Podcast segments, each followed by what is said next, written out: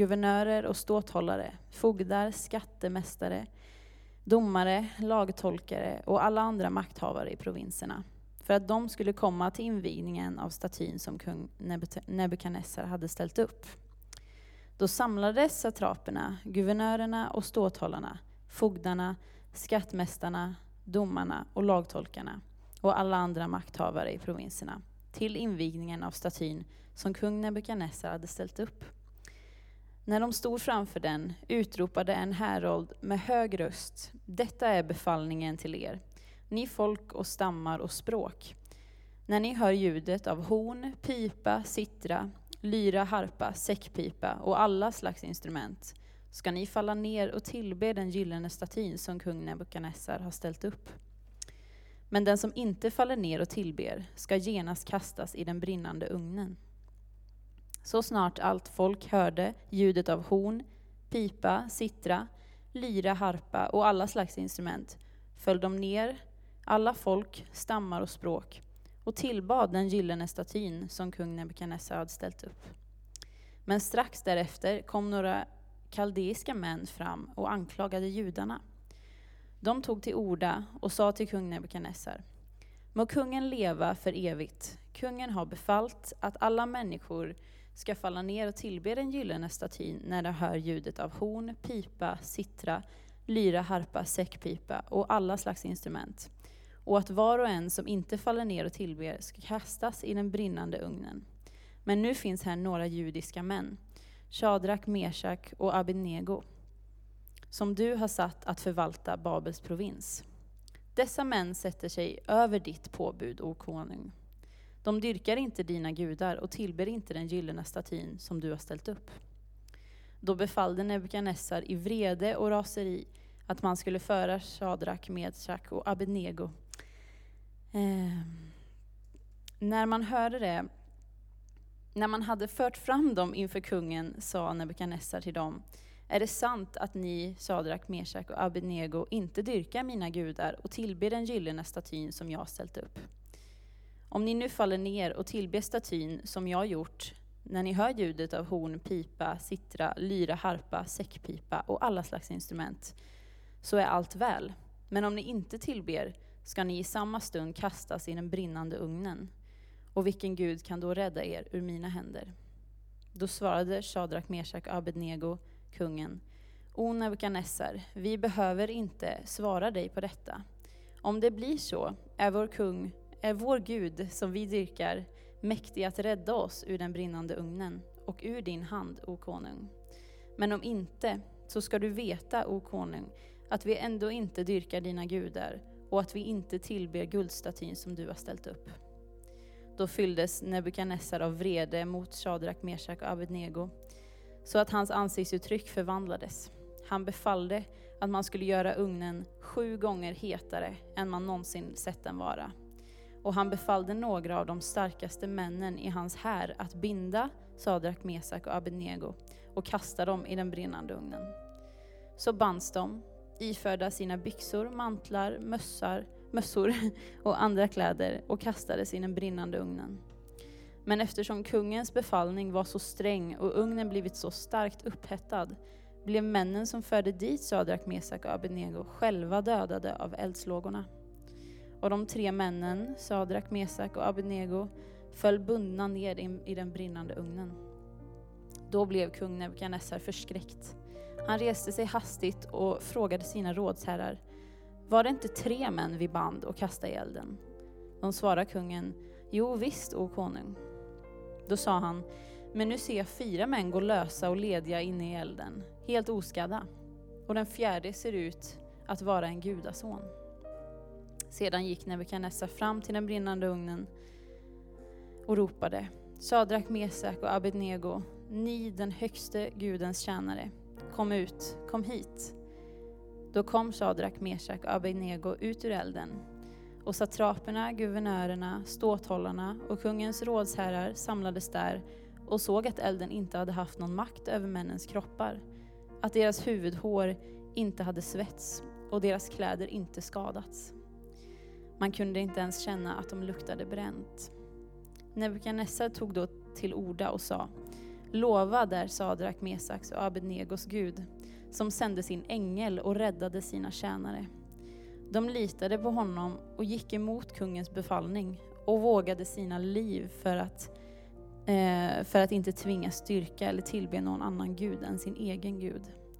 Härmed befaller jag nu att var och en av alla folk och stammar och språk som säger något ovärdigt om Sadrak, Mesaks och Abednegos Gud, han ska huggas i stycken och hans hus ska göras till en sophög. För det finns ingen Gud som kan rädda så som han. Därefter lät kungen Sadrak, Mesak och Abednego få stor ära och makt i Babels provins. Känner du igen den här bilden? Den är hämtad ifrån år 2015. Vi är vid kusten av Egypten. Och 21 koptiskt kristna män har mött slutet på sina liv därför att de vägrat kompromissa med sin tro på Jesus Kristus. Friheten att välja var viktigare än ett liv tvunget in i en överlåtelse som man inte kunde stå för. Och den här brutala avrättningen fick konsekvenser och ett eko ut i en hel värld. Hur fick de modet? Hur vågade de trots att de skulle med all säkerhet möta sin egen död? Vad var det som gjorde att det fanns någonting viktigare än livet? Min predikan idag ska handla om överlåtelse. Om att mitt i de lågor som hotar att ta vår existens, där är också Gud. Du är aldrig ensam i elden. Och det var inte heller Shadrak, Mesak och Avednego. Men innan vi tittar på den berättelsen så vill jag be en kort bön om Guds ledning. Herre, tack för att du är här. Öppna upp våra hjärtan där vi finns just nu genom din helige Ande så att ditt ord får bli levande och tala in i våra liv idag. I Jesu namn. Amen. Okej, så du har redan hört den här texten läsas på ett ypperligt sätt av Amanda. Bakgrunden till vår berättelse är att Israel har blivit ockuperat av Babylonien. Man är på väg in i en fångenskap. Och Babylons kung som heter Nebukadnessar kan du tänka dig, han, han får en idé att en dag bestämma att fyra judiska män, israeliska prinsar och ädlingar står det, ska väljas ut för att, att under tre års tid skolas om in i den kaldeiska kulturen. Det blir ett nytt språk, det blir en ny kultur, men också nya namn. De här fyra männen är från Juda och det var Daniel som får namnet Belteshazzar. Det var Hananja som får namnet Shadrak. Det var Mishael som får namnet Meshak och så var det då Asarja som fick namnet Avednego. Daniel, han var fast besluten trots allt att inte ge vika för sin överlåtelse till Israels Gud. Och alla de fyra männen de stod påtagligt, får vi se i berättelsen, under Guds beskydd och ledning. Daniel hade dessutom välsignats med förmågan att kunna tyda drömmar. Så när, när kung Nebukadnessar får en dröm och ingen av hans spåmän i riket kan tyda den, då kliver Daniel fram och säger, alltså jag kan egentligen inte i egen kraft, men jag har en Gud och han har gett mig en uttydning. Daniels uttydning är den rätta och kung Nebukadnessar ger Daniel inflytande i riket. Han blir en mäktig man. Och på Daniels rekommendationer så får då Shadrak, Mesak och Avednego ansvaret att förvalta provinsen Babylon. Medan Daniel själv han blir kvar på kungliga hovet. Och nu är vi framme vid den passage där det verkligen blir skarpt läge i landet. Och inte minst för våra gudsmän ifrån Israel. Kungen har nämligen låtit tillverka en enorm staty. Den är 30 meter hög och den är 3 meter bred. Den är, den är gigantisk. I rent guld dessutom. Och den här har man ställt på Duraslätten i provinsen Babylon där Shadrak, Mesak och Avenego finns som förvaltare. Sen har det kungjorts följande från vers 4b in i vers 6. Lyssna. Detta är befallningen till alla folk, nationer och språk. I samma stund som ni hör ljudet av horn, pipa, sittra, luta, saltare, säckpipa och andra instrument ska ni falla ner och tillbe den gyllene staty som kung Nebukadnessar har rest. Den som inte faller ner och tillber kommer genast att kastas i en brinnande ugn. Handen på hjärtat nu. Hur skulle du ha reagerat och agerat om du hade varit i Shadrak, Mesak och Avednegos ställe? Alltså om ledarskapet i vårt land hade kommit till ett läge då du var tvungen att tillbe ett ting eller en man eller kvinna eller något levande eller dödligt som du själv inte trodde på. Alltså mot din egen vilja, mot din egen tro, mot din egen övertygelse. Hur hade du gjort? Hur hade jag gjort? En av mina yngre bröder hade en gång en, en lärare som hon hade väldigt svårt för att han hade en personlig tro på Jesus. Och hon gjorde verkligen hans skolgång svår på grund av det här. Hon kunde i olika sammanhang nästan håna honom offentligt, säga saker nedlåtande och riktigt, riktigt vara agiterande mot honom.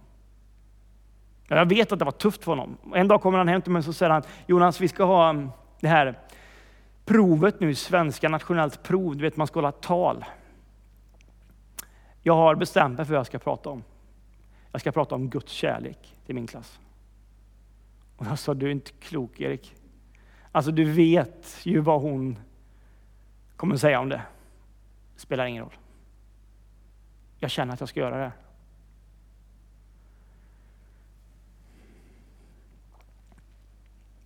Shadrak, Mesak och Avednego vägrade att kompromissa med sin överlåtelse till Israels Gud. Vi går tillbaks till vers 14 och en bit in i texten. Nebukadnessar frågade dem, Shadrak, Mesak och Abednego. Är det sant att ni inte dyrkar mina gudar och inte tillber den gyllene staty som jag har rest?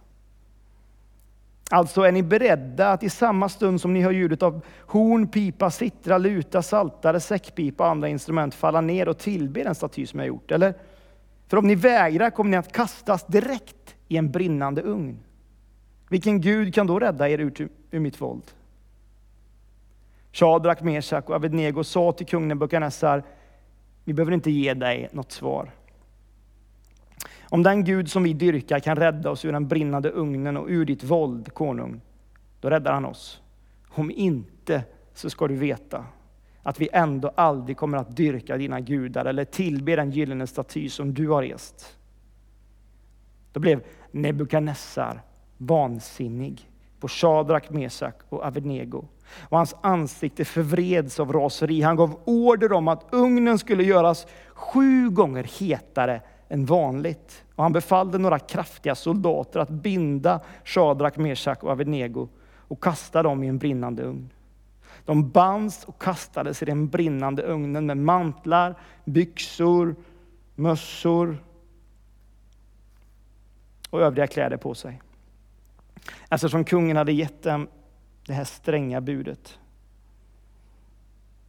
Och ugnen hade blivit så fruktansvärt het dödade lågorna de män som förde upp Shadrak, Meshak och Avednego. De tre männen, Shadrak, Meshak och Avednego, föll bundna ner i den brinnande ugnen.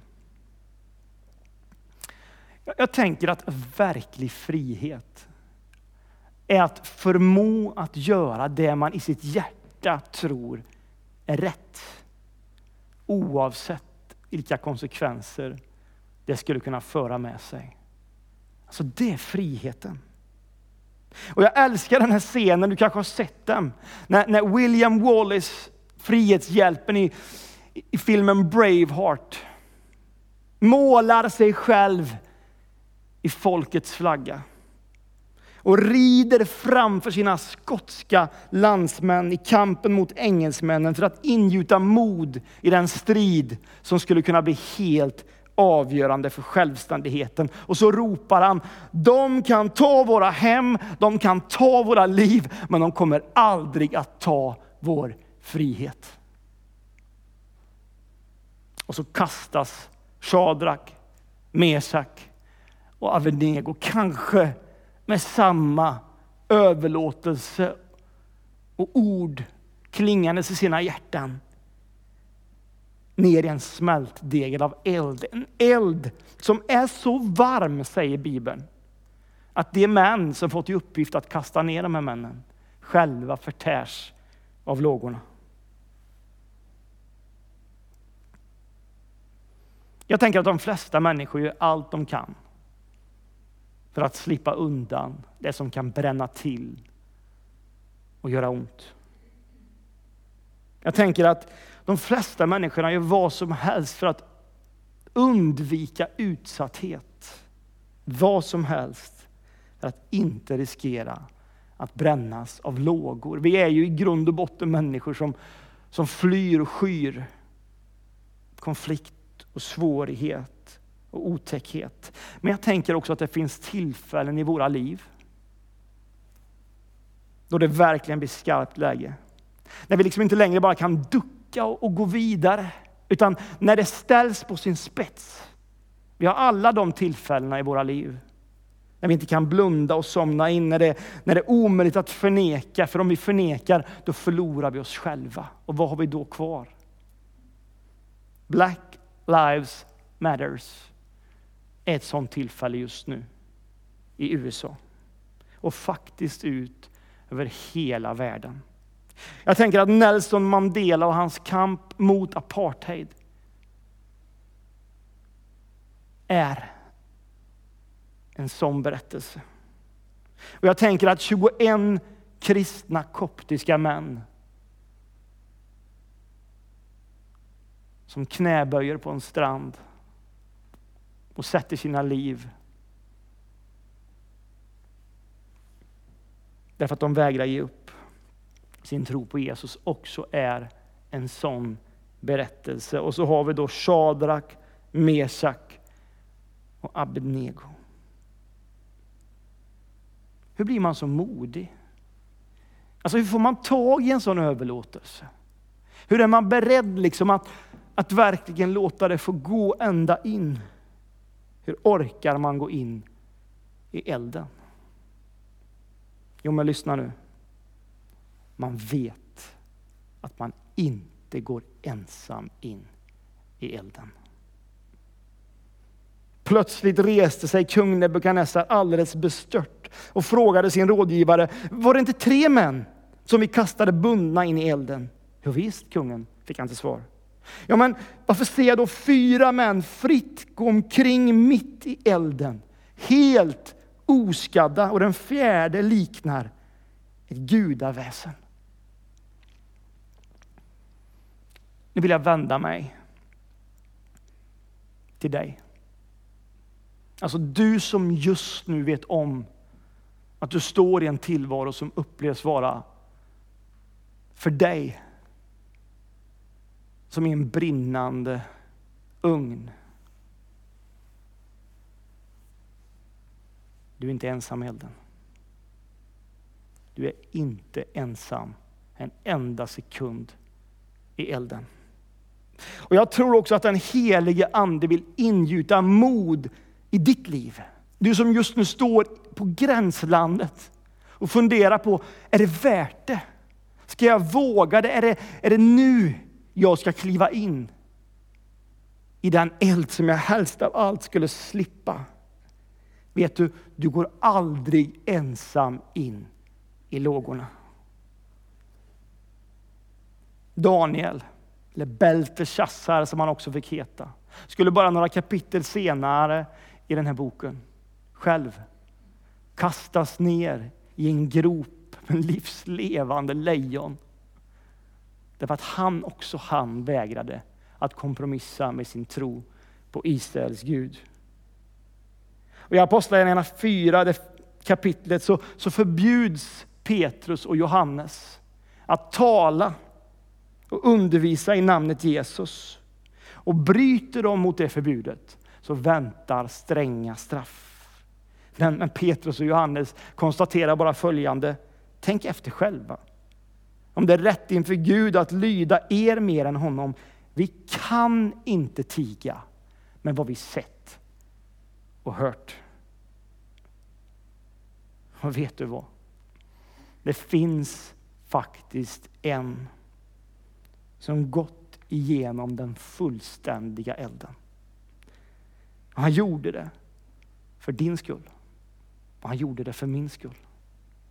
Om Shadrak och Mesak och Avednegos eld var sju gånger varmare än en vanlig brännugn, vad det nu kan vara, ja då är det ändå inte i närheten av det eldinferno som Guds egen son Jesus Kristus själv valde att gå in i när han vandrade via Dolorosa för vår skull.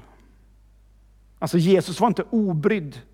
Det står att han svettades blod den där sista kvällen i Getsemane och han, han bad, Herre om det här kan gå förbi mig så låt det göra det. Men om det är din vilja så låt det ske med mitt liv.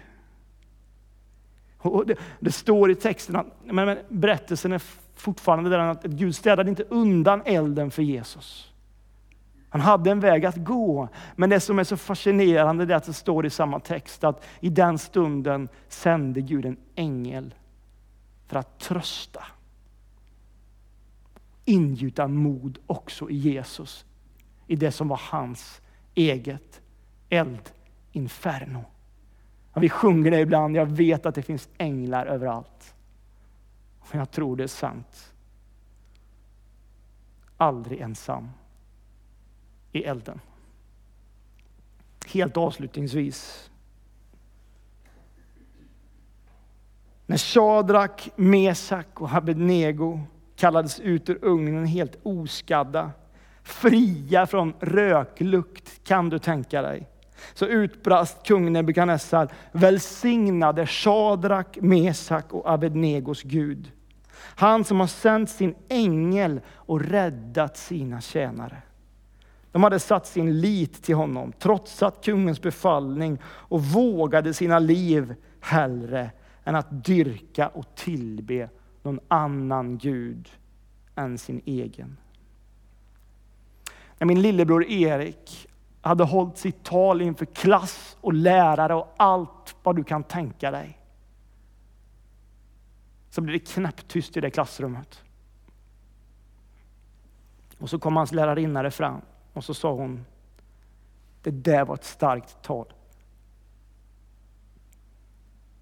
Erik, väldigt bra gjort.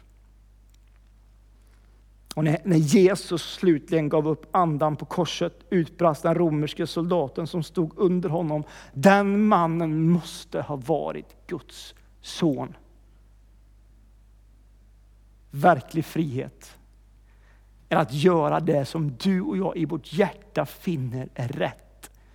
Oavsett vad det kan komma att kosta oss. Ja, men hur orkar man? Hur vågar man? Sakarja 4 säger, varken med styrka eller makt, utan med min ande, säger Herren Sebaot. Vet du en sak? Frihet har ett namn. Namnet Jesus. Ropa ut det namnet. Låt oss be. Tack käre far i himlen för att du sände din son Jesus för att gå igenom det fullständiga eldinfernot för vår skull. Tack för att vad vi än står inför eller mitt i just nu, Herre, då har du stått i det.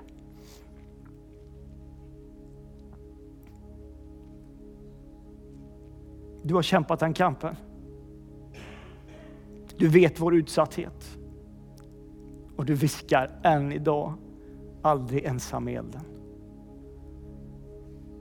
Fyll oss med din heliga Ande så att vi orkar och vågar med blicken fäst på dig.